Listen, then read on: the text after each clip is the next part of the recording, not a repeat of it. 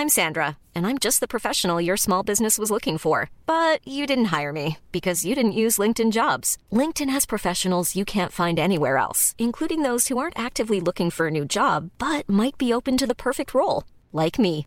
In a given month, over 70% of LinkedIn users don't visit other leading job sites. So if you're not looking on LinkedIn, you'll miss out on great candidates like Sandra. Start hiring professionals like a professional. Post your free job on linkedin.com/people today.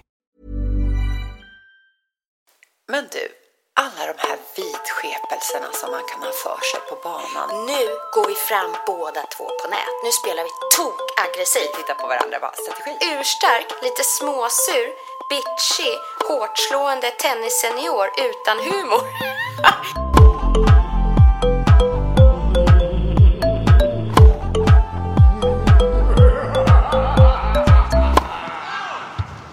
Fifteen thirty. Ja, vet du, det är helt mörkt ute. Det är becksvart och klockan är liksom inte ens fem på eftermiddagen. Nej, nu är vi inne i mysmånaden. Har jag döpt den till. Ja, det är härligt. Och jag fick vatten på min kvarn. Jag är ju nämligen så här, jag har byggt om hela året att jag börjar sommaren liksom nästan i april. Och så då är det liksom lite för försommar, sen är det försommar, sen är det sommar, sen är det sensommar, sen är det... Liksom jag maxar ut sommaren nästan till oktober. för att få den rätta känslan. Och sen går jag rakt in i mys. Inte den här gråa jobba november, utan bara, då är det mysmånad, då heter den det. Och sen är det ju julmys. Och den sträcker sig över hela januari. Eftersom man håller på och sopa granbär och ändå får mys eller mysa och liksom pyntet hänger kvar och sådär. Och så är det nästan vår nästan direkt efter det. Så det är bara en vintermånad i mitt år och det är februari. Och jag fick ju vatten på min kvarn för att jag hörde på radion att Reinfeldt son, han driver nu den här frågan att julen ska inte bara bli en julmånad utan ett helt kvartal. Ett julkvartal. Go! Reinfeldt Helt junior. Det är en diskussion. Den kan du och jag inte, köra, men jag köra i tvättstugan sen.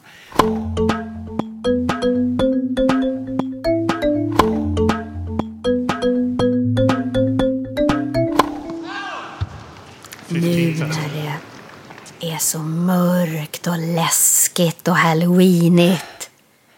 Då kan Ja, jag har, har, vi haft, har vi haft en ordentlig halloween, Helena? Alltså, eh, vi har ju haft en tradition som har skurit eh, amerikanska pumper enligt amerikanska eh, mallar som har varit helt fantastiskt fina. Ja! Alltså, och det roliga är att en- det är absolut Facebook-minnen. De Ja, kom upp till de mig kommer upp häromdagen varje år. För ett Ja. Mm. minne för sex år sedan. Nej, det var inte minnen, det var en annan funktion. Att Facebook har genom tiderna det mest likade... Eh, Ah. Och vet du vad det var? Det var den där jäkla pumpil, pumperna. Jag älskar ju halloween också. Jag, jag eh, var ett par år sedan som, som min son hade lite panik. Han ville så gärna ha en läskig, läskig mask. Så vi åkte iväg. Det, det var något teknikmagasin eller något sånt där som, som hade en sån här riktigt, riktigt läskig gummimask. Eh, som, jag, som jag blev så förtjust i. Så att eh, jag gick runt med den där masken. Nej, jag visste inte det. hela tiden och tyckte att det var så kul. Sen när en kompis, det här är, det här är på själva halloween, eh, när det liksom är massor med barn som är ute och går. Och mina barn var ju också ute, men när de kom hem så var det en kompis som ville ha skjuts hem sen. Då, sitter jag, då, då sätter jag mig i bilen med den här masken på mig eh, och, kör, och kör honom hem. Han sitter, han sitter, Helena, han sitter tyst, helt knäpptyst i, i, i sätet bredvid mig och tittar ut. Och tittar, my God, säger absolut ingenting. Oh, Medan jag skrattar ihjäl mig. Jag sitter och skrattar så tårarna Bakom masken. Och hoppas, hoppas på att det är någon som ser mig. Tänk om någon skulle se mig se mig, åka se mig runt nu, se mig. se mig nu! Du vet, men, men nej, det var, det var ingen som såg mig. Så jag, det förtog Så lite. det, var, det är liksom det enda var att Han- det blev ett dyrt han pris liksom att han fick fick skämmas så mycket. Det där är så jävla roligt. Och ganska mycket Men jag guts tror att på också. äldre dagar har det börjat växa. Jag blev kär i den där masken, var nästan så jag ville sova med den. Ja men du vet, när man- man är lite knasigare nu. Men du, alla de här vidskepelserna som man kan ha för sig på banan när man går ut och spelar match. Exakt, skrock. Och just det här för att det ska kännas bra i magen så ska det vara på ett visst sätt. Ska, Ja. vi, inte, ska vi inte bara fråga Anders? Ja, menar du Anders Anders? Ja, men som, Anders. som våran hjälte från US Open. Ja, jag tänkte faktiskt, har han någonting? Vi ringer en gång. Kul!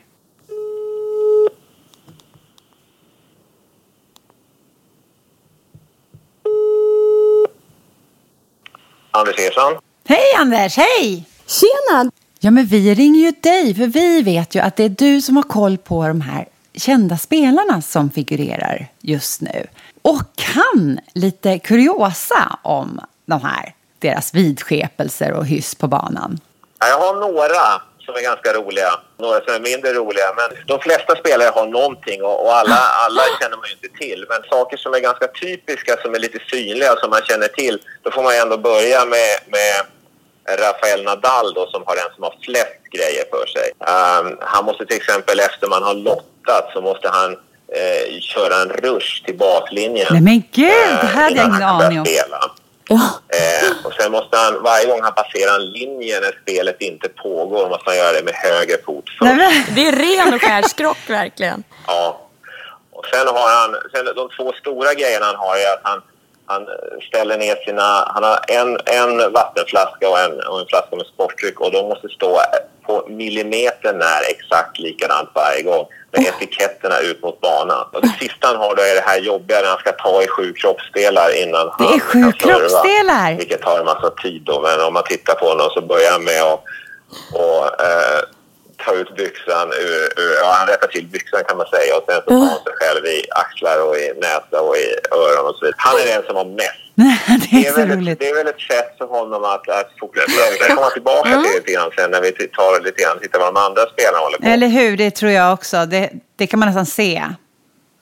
En som har en rolig sak det är Richard Gasquet, fransmannen. Och, och den är ganska krånglig för alla, alla bollkallar. För att om han servar och vinner en poäng då måste han spela nästa poäng med samma boll. Så att Ja, då men det är ju behöver bollkallen bollkallarna. hämta just den bollen. Och han kollar väldigt noga. Med hökögon kollar han precis vart bollen tar vägen och så ser han till att han får tillbaka bollen. Så det är ganska krångligt för bollkallarna då. Ganska roligt för tittarna att titta på honom när han spelar. Om man fastnar vid det så blir det, blir det väldigt speciellt. Sen en som var i Stockholm här, Jack Sock. Han har också en sån här eh, rolig sak när man väl börjar titta på det. Det är att hans bollkalle till höger och hans bollkalle till vänster måste ha lika många bollar hos sig. Annars blir han väldigt Den har jag störd. sett. Den ena får inte stå med fyra och den andra står med noll. Utan då, då vill han helst se att båda har två och så har han själv två när han ska serva. Ja, det är så roligt far att man lägger kraft på det. Klarar han på det?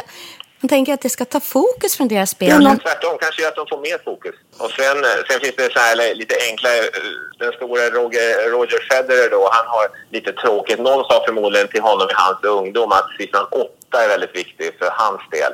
Ja, det där läste jag faktiskt. Han har åtta vattenflaskor, åtta racketar. När han torkar sig med handduken så torkar han sig åtta gånger. Eh, inte så himla kul att titta på, men, men siffran åtta är i alla fall väldigt viktig. Philip Kohlschreiber, som också var på Stockholm Open här senast, han har en sån här fix idé. Eller så beror det på att han har tajta byxor, men han vill aldrig ha någon boll i fickan när han spelar. Och då är han ganska cool, för att när han missar han första serven så kan han absolut eh, spela andra serven med samma boll om han får tillbaka den eller om den studsar tillbaka från nät. Mm, det där, ja. Jaha, så han har inte ens en extra boll i fickan när han servar? Nej. Men alltså, jag måste fråga, har du någon själv, Anders? Någon själv vidskepelse? Någon egen? Ja, jag har några grejer som, som inte är så viktiga som de här kanske. Det är att jag alltid håller racket åt samma håll. Och det är ganska vanligt i och för sig. För att eh, håller man ett racket nog mycket så blir greppet lite grann eh, format så. Så att, så att uppåt är Ja. alltid uppåt på min racket. Har jag eh, att om jag spelar bra då studsar jag bollen tre gånger innan jag servar och spelar jag sämre så studsar jag fyra gånger för att hitta det där flytet. Och det är också någonting jag bara börjar med. Det är, det är också ganska knäppt. Eh, men så gör jag. När började du med det? Har du gjort det jättelänge? Ja, så länge jag minns. Varför blev det just ett antal. Varför blev det just så? Ja, det kändes att det går ganska fort. Om man har flyt och, och servar bra så går tre gånger ganska snabbt och studsa bollen. Uh, och sen tycker jag att jag ska hitta det där flytet och komma tillbaka till rytmen, då behöver jag studsa en extra gång. Så då studsar jag fyra gånger. Och det, det kan jag inte förklara, men så, så har jag alltid gjort och så gör jag nu också. Eh, jag kan inte ha, väskan får inte vara på bänken heller, eller på, på stolen, utan väskan måste vara på golvet. Jag smäller av. Det vågar man inte eh, peta på din Nej, väska. Och det sista jag då ser man ut som en, eh, som en ganska gammal farbror. Så jag har en ganska fånig knäböj precis innan jag ska ta emot serven. Så precis innan, innan motståndaren servar hos mig så gör jag en sån här lite fånig knäböj. Och då känns det också bättre om jag gör den. Då känner jag mig mer beredd. Det var mina. Mm lite mer eller mindre knäppa knep och knop där. Har, har, du några? Jag vet inte om det är tricks eller om det, om, om det är någon, någon vidskepelse ännu. Det tror jag kanske inte att det har blivit. Men att jag får fokus genom att jag verkligen, verkligen tittar på bollen när den andra servar. Att jag nästan följer med hela kroppen med, som se ut som en liten struts eh, när bollen kastas upp. Att jag är lite som att jag följer liksom bollen, eh, bollens uppstuds med huvudet och hals och, och kropp. Lite så. Sen håller jag på att snacka med mig själv massa. Men... Och du då Helena? Jag gör något med racket och jag tror det är en känsla att oron att eh, inte ha ett grepp på att inte få rätt. Så att jag står och vrider och vrider och känner och känner och känner och känner med racket i handen innan jag ska serva. Tills det ligger exakt rätt. Det har blivit en hang-up för mig. Jag är lite försiktig med det här. Det är ju det att man har ju tittat på regler. För att, för att det fanns ju till exempel eh, en av de allra, eller han som är allra bäst nu, eh, Novak Djokovic Mm. Han har ju en sån här uh, otrolig hang att han står och studsar bollen hur länge som helst. Och, eller att han studsar 14 gånger uh, när han spelar bra och 18 gånger åtminstone när det är en viktig boll eller när han, han inte har flytet. Och så finns det någon som säger att, han, att rekordet är att han har studsat 38 gånger i någon sån här Davis Cup-match och man inte hade koll på klockan. Och lite för att få koll på det där så att det inte tar för lång tid så börjar man införa, normalt är det 20 sekunder man har mellan, mellan eh, poängen. Ja. Men eh, för att det där ska bli tydligt så har man infört en klocka som räknar ner faktiskt på vissa turneringar. Ja, jag har sett en sån där klocka faktiskt som räknar Sekunder ner. Sekunder från att spelaren ska göra sig klar, få den nya bollen, komma på plats och göra sina, sin skrock och hinna serva. Yes. Så det är regeln till och med så att domaren, när domaren har sagt att det står 15 lika, då sätter han igång klockan. Då är det upp till spelaren då. Uh, att, mm. att, ha fått iväg sin serve på 25 sekunder. Och Djokovic har ju jätteproblem med det och Nadal har jätteproblem. De gillar ju inte den här klockan. Du kan ju få lite problem också då, om du står och snurrar på din racket. Men sen kan vi ta lite, du var inne på det där varför de gör det här. För många är det här nog en liten strömbrytare, en, en trigger. Så att, så att när, när de gör det, när Nadal far och petar sig i ansiktet och gör något sånt där, då är det en signal också för honom att nu slår han på, nu är han med. Så det är, en, det är en ganska fin gräns det här mot, det blir någonstans mellan fokus och, och trigger till, till att det är ren galenskap. Vi visste att du skulle ha koll på det här. Jag måste bara fråga, har du, hörde du på sist, förra avsnittet med eh, eh, Fredrik Weibull. Jag lyssnar på varje avsnitt, så att jag, jag hörde såklart även det avsnittet. Tennis är ju väldigt mycket ett mentalt spel. Det jag tyckte han gjorde allra bäst var det här att han gav några sådana här små, ganska konkreta tips. För det kan ju såklart bli luddigt med allt det här mentala knep och knåp och, och tricks. Men han gav ju en hel del eller en del. Han gav några stycken väldigt handfasta råd och tips som man kan tänka på för att kanske fånga tankarna och, och kanske göra det lite lättare att fokusera. Så jag tyckte det var jättebra.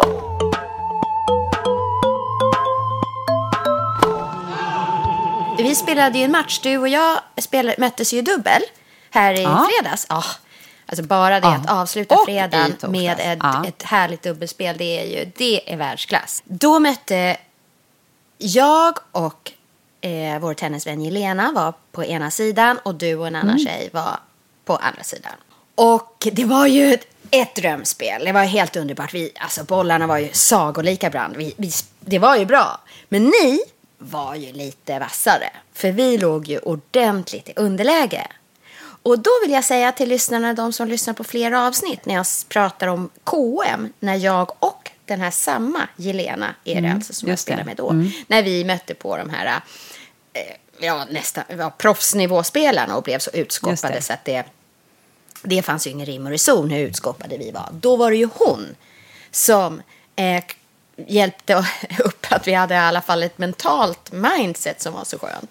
Det var ju hon Ja. som liksom tog tag i mig precis när vi går ut på banan som två bambisar på halis när vi har insett vilka det är vi ska möta. Eh, och inser att det här kommer ju bara bli en ren förnedring.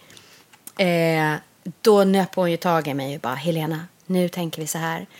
Lyckas vi komma upp till 40 lika någon gång i den här matchen, då har vi vunnit. Då har vi vunnit för oss själva.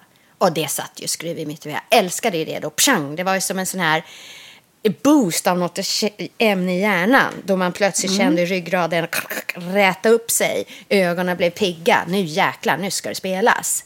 Och vi lyckades ju med det. Så det, det var ju, vi var ju skitpepp på banan. Och det här var så roligt, för när vi spelade med er igår då gjorde hon samma sak. Först började hon lätt och bara så här, så okej nu gör vi så här. Nu har vi bara fokus. Nu provar vi att bara ha fokus, bara spela lugnt och metodiskt. Sen eh, funkade ju inte det särskilt bra heller. Då kom hon till mig, nyper tag i mig. Bara, Vet du vad vi gör Helena? Vi byter mindset nu. Nu går vi fram båda två på nät. Nu spelar vi Ja, jag. aggressivt. Ja, jag såg det. Jag såg Ja, det. Jag tänkte nu på spelar det. vi Fasen vad ni är roliga. Ja, nu går vi fram på nät båda två. Och sen är vi sy- supervassa tillbaka om ni spelar tillbaks. Men det, vi har tillräcklig koll så vi kan försöka se hur ni ska försöka spela tillbaks bollen. Mm. Så det var jätteroligt. gick jag igång och bara ja! Och gick igång på fulla cylindrar igen. Men det var ingen vinnande strategi, det var det inte. Så då kommer hon till mig igen och bara, nej, vi byter strategi efter några bollar. Nu gör vi tvärtom. Nu backar vi. Nu backar vi båda två. Så vi båda två är bakåt åt baslinjen. Och så är vi snabba, snabba fram. Eh, för även om ni är bra på nät så kanske ni inte så liksom att man har den här superlösa utan oftast så försöker ni smasha, få en kraftig boll. Och då hinner man faktiskt ta den även om man står en bit bak. Och det var den strategin som gick bäst. Det jag vill komma till är att jag älskade det att ha en partner som är så konstruktiv och så konkret. Som, Och det var som en sån lek för mig då, hela timmen. på läget. Ja, vad häftigt. Ja, vad roligt. Ja, skitkul. Skitkul. Det landade i mig sen att okej, det Ja. där ska jag ta till mig. Som där ska jag bli. Mm. Att bli en, den perfekta dubbelpartnern. Vara peppande, men också vara lite lekfull. Normally, being a little extra might be a bit much, but not when it comes to healthcare. That's why United Healthcare's Health Protector Guard fixed indemnity insurance plans, underwritten by Golden Rule Insurance Company, supplement your primary plan so you manage out of pocket costs. Learn more at uh1.com. This is Paige, the co-host of Giggly Squad, and I want to tell you about a company that I've been loving, Olive and June. Olive and June gives you everything that you need for a salon quality manicure in one box. And if you break it down, it really comes out to $2 a manicure, which is absolutely insane. It's also so easy to get salon worthy nails at home with Olive and June. The difference between how your nails used to look when you did them yourself and now with the Manny system is a complete game changer. The best thing about Olive and June too is it's a quick dry. Dries in about one minute, lasts for five days, and full coverage in up to one to two coats. Visit oliveandjune.com slash perfectmanny20 for 20% off your first system. That's oliveandjune.com slash perfectmanny20 for 20% off your first system. Men, och det var så roligt för att vi såg ju att ni hade strategier och att ni, ni snackar taktik hela tiden. Vi tittar på varandra och bara, strategi, strategi, vad ska, vad, vad ska vi ha? Vi spelar, vi spelar bara. Nej, vi kom inte på någonting. Sen berättade hon en rolig sak efteråt som jag också älskade. Och det här är tips till alla som lyssnar. Jag tyckte det här var superkul. Eh, och det är kanske fler som har gjort det när de har tränat med sina tränare. Men jag har aldrig varit med om det innan. Hon berättade att hon hade kört sin veckoträning. De hade fått i uppgift att alla trä- äh, tränaren hade delat ut, viskat i örat på var och en, en strategi som man blev tilldelad som man skulle gå all in på. Det kunde vara allt från att vara aggressiv på nät, eh, psyka motståndaren, eh, ja, lobb, jag vet inte exakt vad det var, men man kan ju föreställa sig. Och då fick man bara anamma den strategin. Och så spelade man korta matcher och sen skulle de andra var och en berätta vad man trodde att Ja, vad spännande. varje person hade.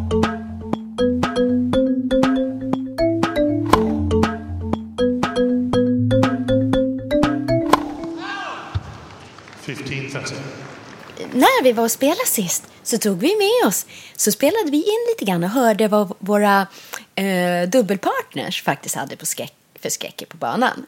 Ja, kan vi inte lyssna lite på det? Nej, men det är ju alltså den uppenbara smashen. Åh, här kommer den, här kommer den. Oj, ja, oj, här kommer den, här kommer den, här kommer den. Man ska bara träffa den här. Det är så uppenbart. Men den går i nät. Det är min absoluta skräck. Jag vet att den redan går i nät innan. Skräcken är att sätta dubbelfel hela tiden. Hela matchen går åt helvete för att jag sätter den i nät varenda gång, eller den är lång. Så att man känner att det blir tråkigt för den andra. Nej, och, och den ökar Men kan och du- ökar och ökar den stressen. Och då är frågan, för mig personligen är den ingenting. Ingen skräck, ingenting. Så för mig, om du känner att det är en skräck att vi spelar ihop, att det blir tråkigt för någon, finns inte. Finns inte. Nej. För den är inte laddad för mig. Är inte Nej, men det är, framför allt så. Så. är det ju när man, inte spe, man, man spelar med någon som man inte känner. Jag tänker mer som men de här som vi säger när vi står framme vid nät också så här, den här uppenbara, nu lägger vi bara över den. Som bara i nät. Oj, förlåt. förlåt. Det här med i nät. Alltså när det är så uppenbart. Ja, när det ska vara en så lätt boll, för då är det ju skämskudde. Då måste man ju skämmas. Mm, Det är jag är någonting. med. Om det är skräck eller vad det är. Det är... Fast jag vet att när jag började spela dubbel de första gångerna jag hoppade in och spelade dubbel. Det var en 60 minuters skräck. Då kunde jag tänka så här, men varför gör jag här? Varför har jag utsatt mig för det här? Om jag var lite sämre så blev det så synligt för resten av gruppen. Tack tjejer! Det kan vara passande att prata om skräcken på banan. Eh, Så dels la vi ut en liten bild på Instagram som folk fick svara under. Eh, Vad är skräcken på banan? Vi fick ett par svar. Eh, och jag tycker att eh, det ena svaret var verkligen någonting som jag kan själv känna igen mig i. Det här att man går ut, man vill väldigt gärna göra en bra match. Men man har lite för mycket annat i huvudet. Så att man helt plötsligt bara inte riktigt tappar, man tappar fokus helt enkelt. Eh, Ja. Trots att man vill så kan man inte. Man är inte närvarande utan man tänker på det ena och det andra. att, att inte fokusera på just den här bollen. Nadal säger eh, att jag spelar varje slag som if my life depends on it.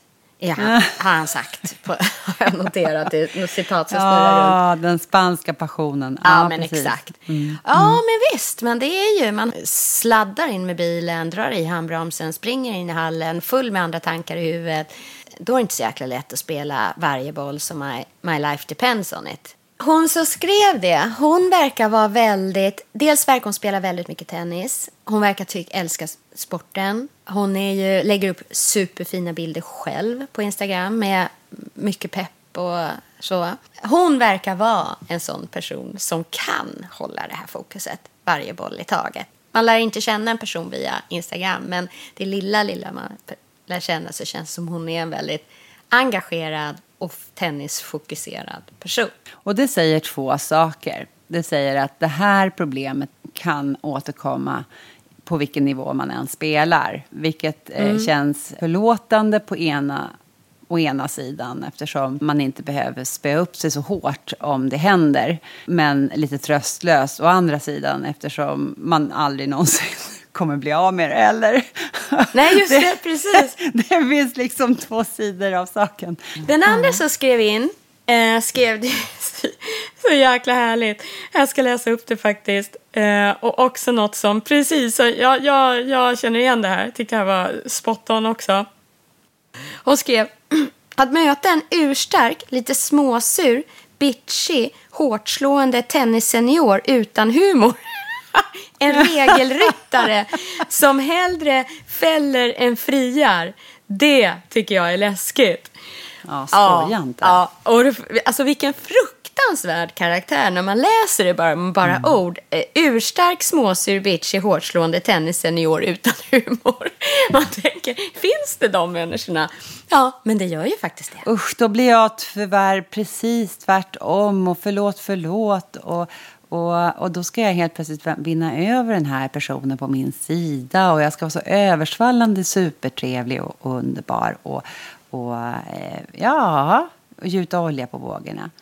Och egentligen så ska man ju bara skita i, i personen över nätet då, utan bara fokusera på sin grej. Jag Den är undrar inte vad lätt. som funkar bäst. Han Frexeus, den här järnläsaren. Alltså det har inte med tennis att göra utan han har skrivit en bok och hur man kan läsa andras ja, tankar inom situationstecken. Alltså, men utifrån eh, mönster och kunskap kring hur folk agerar och, och reagerar. Mm. Han har skrivit en bok. Han har ju ett kapitel som handlar om spegling. Mm. Att man i andra sammanhang också när man träffar människor där man känner att man inte når fram eller man har svårt att begripa den här personen eller känner intuitivt att oh, vi är så olika, vi klickar inte. Så kan man, hävdar ju han då, då kan man alltid ta till det här äh, att spegla. Att man i princip gör precis likadant som den personen. I princip håller personen armarna i kors. Ja, men då lägger man själv armarna i kors. Nickar den här personen lite uppfordrande. Ja, men då gör man det också, nickar lite uppfordrande. Det det här gör om man speglar är att den andra personen börjar känna sig trygg. Den avkodar inte att man gör samma sak. Utan den känner, men nu, det här är en trevlig person. För att den känner ju att man är lika. Och då öppnar man upp. Och det där har jag tänkt några gånger på tennisbanan när jag träffar en person som är lite kärv då, kan man ju lugnt säga om man är bitchig paragrafryttare. Då tänker jag på det kapitlet. Att jag kan spegla det då och bli lite likadan själv. Ja, den är, den är spännande faktiskt.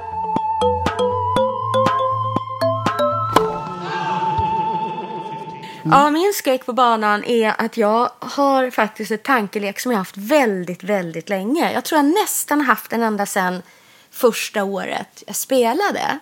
Så det är ingen skräck på banan, det är snarare att jag liksom utsätter mig för en eh, imaginär skräck. Och det, är det är två saker. Och de hänger ihop, det är typ samma sak. Det ena är att på sommaren så är det en liten turnering på eh, lokala tennisklubben där jag har mitt landställe. Ja. Som heter Bushwick Open. det är tidigt på sommaren och jag har inte kommit dit då. Men, så det är inte troligt att jag kommer vara med på den tävlingen. Det kan ju hända. Men jag utsätter mig för tanken att jag står där. Jag förflyttar mig Okej. dit. Och då blir jag så rädd. Då blir jag så fokuserad på att nu, nu, nu, nu, nu, nu. För då förstår jag hur nervös jag skulle vara. Fredrik Weibull sa det i förra avsnittet. Att tennis är så utmanande för det är inget lag du kan liksom försvinna lite i. Utan du är exponerad. Allt du gör syns så tydligt. Det är bara du där på din sida. Ja, där är man ju så rädd att göra en skitdålig match. Så jag har utsatt mig med den tankeleken. Så här, okej, nu låtsas jag att jag står på Bushwick Open. Då blir liksom hel, varenda cell i kroppen på helspänn. Det låter som tortyr om du frågar mig. Usch vad läskigt. Jag går ju precis tvärtom. Ja, men jag, går igång, jag kan gå igång på sånt Ja. där. Jag, jag, det, för min hjärna Jag blir funkar snarare det. tvärtom. Att jag, jag bara, ah, okej nu släpper vi allt. Att, vi släpper att det är match, vi släpper att det är eh, ens räkna poäng. Vi bara kör. Ja, jag vet Eh. inte om det är rätt eller fel, men jag har, jag har gjort det flera, flera gånger liksom, för att smaka på en värre nervositet än vad jag står på nu. Okej. Alltså, liksom, jag, jag vet inte varför jag gör sådär, men, men jag leker att då jäklar kommer jag spela mitt... Då kanske, jag då kanske det är lite Nadal. Då kanske det är, nu jävlar spelar Ja. du som om ditt liv hängde på det här den här bollen. Och det här kanske jag gör mycket mindre nu, men jag vet att jag tänkte så från det här första, andra året när jag spelade, när man spelar så jäkla dåligt. Och det var kanske då jag mer såg det också som ett mål att liksom kunna, kunna komma, bli så pass bra så jag i alla fall kunde spela den där. T- Turner, vara med i den turneringen. En annan tankelek jag kan leka ibland, det är att när man står och spelar så är ju den här läktaren, eller vad man ska säga, som ofta finns i tennishallar, den här nivån upp. Eh, Där man kan stå och titta ner på banorna. Att det kommer någon där, den person jag absolut minst vill ska komma. Och plötsligt stå där. Titta. Nej men gud vad hemskt. Ja, men det kan jag utsätta mig för. För då kan jag tänka, då blir jag också så här skit tilltaggad. Då, då, då liksom nagelfar jag mitt spel. Så det kanske är det. Det kanske är en, en lek, en tankelek som får mig att skärpa mina sinnen. Ja, jag kan ju absolut inte göra det. Det där går ju inte alls för mig. För att jag måste vara inne i mig själv när jag när jag spelar och inte utanför. Då kan inte jag, då, då kan, då kan inte jag spela. Jag måste helst glömma mig själv helt och hållet. Utan bara, bara befinna mig i i spelet. Och det här är så roligt, för att jag är tvärtom. Jag älskar ju lek, jag älskar ju att gå utanför Helst ska jag liksom själv. inte ha någon bild på mig själv eller en bild av hur jag skulle kunna uppfattas överhuvudtaget för att spela bra. Utan jag älskar ju när jag liksom släpper det helt och hållet. För då är jag närvarande i spelet. Så jag gör ju tvärtom. Du går in i dig själv och jag går ut ur mig själv.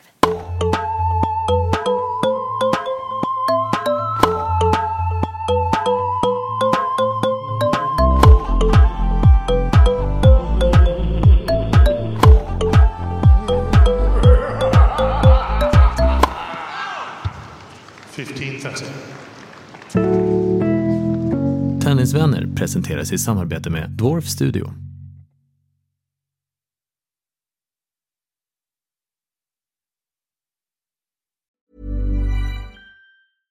Imagine the softest sheets you've ever felt. Now imagine them getting even softer over time. That's what you'll feel with Bowl and Branch's organic cotton sheets. In a recent customer survey, 96% replied that Bowl and Branch sheets get softer with every wash. Start getting your best night's sleep in these sheets that get softer and softer for years to come. Try their sheets with a 30-night guarantee. Plus, get 15% off your first order at bowlandbranch.com. Code BUTTERY. Exclusions apply. See site for details.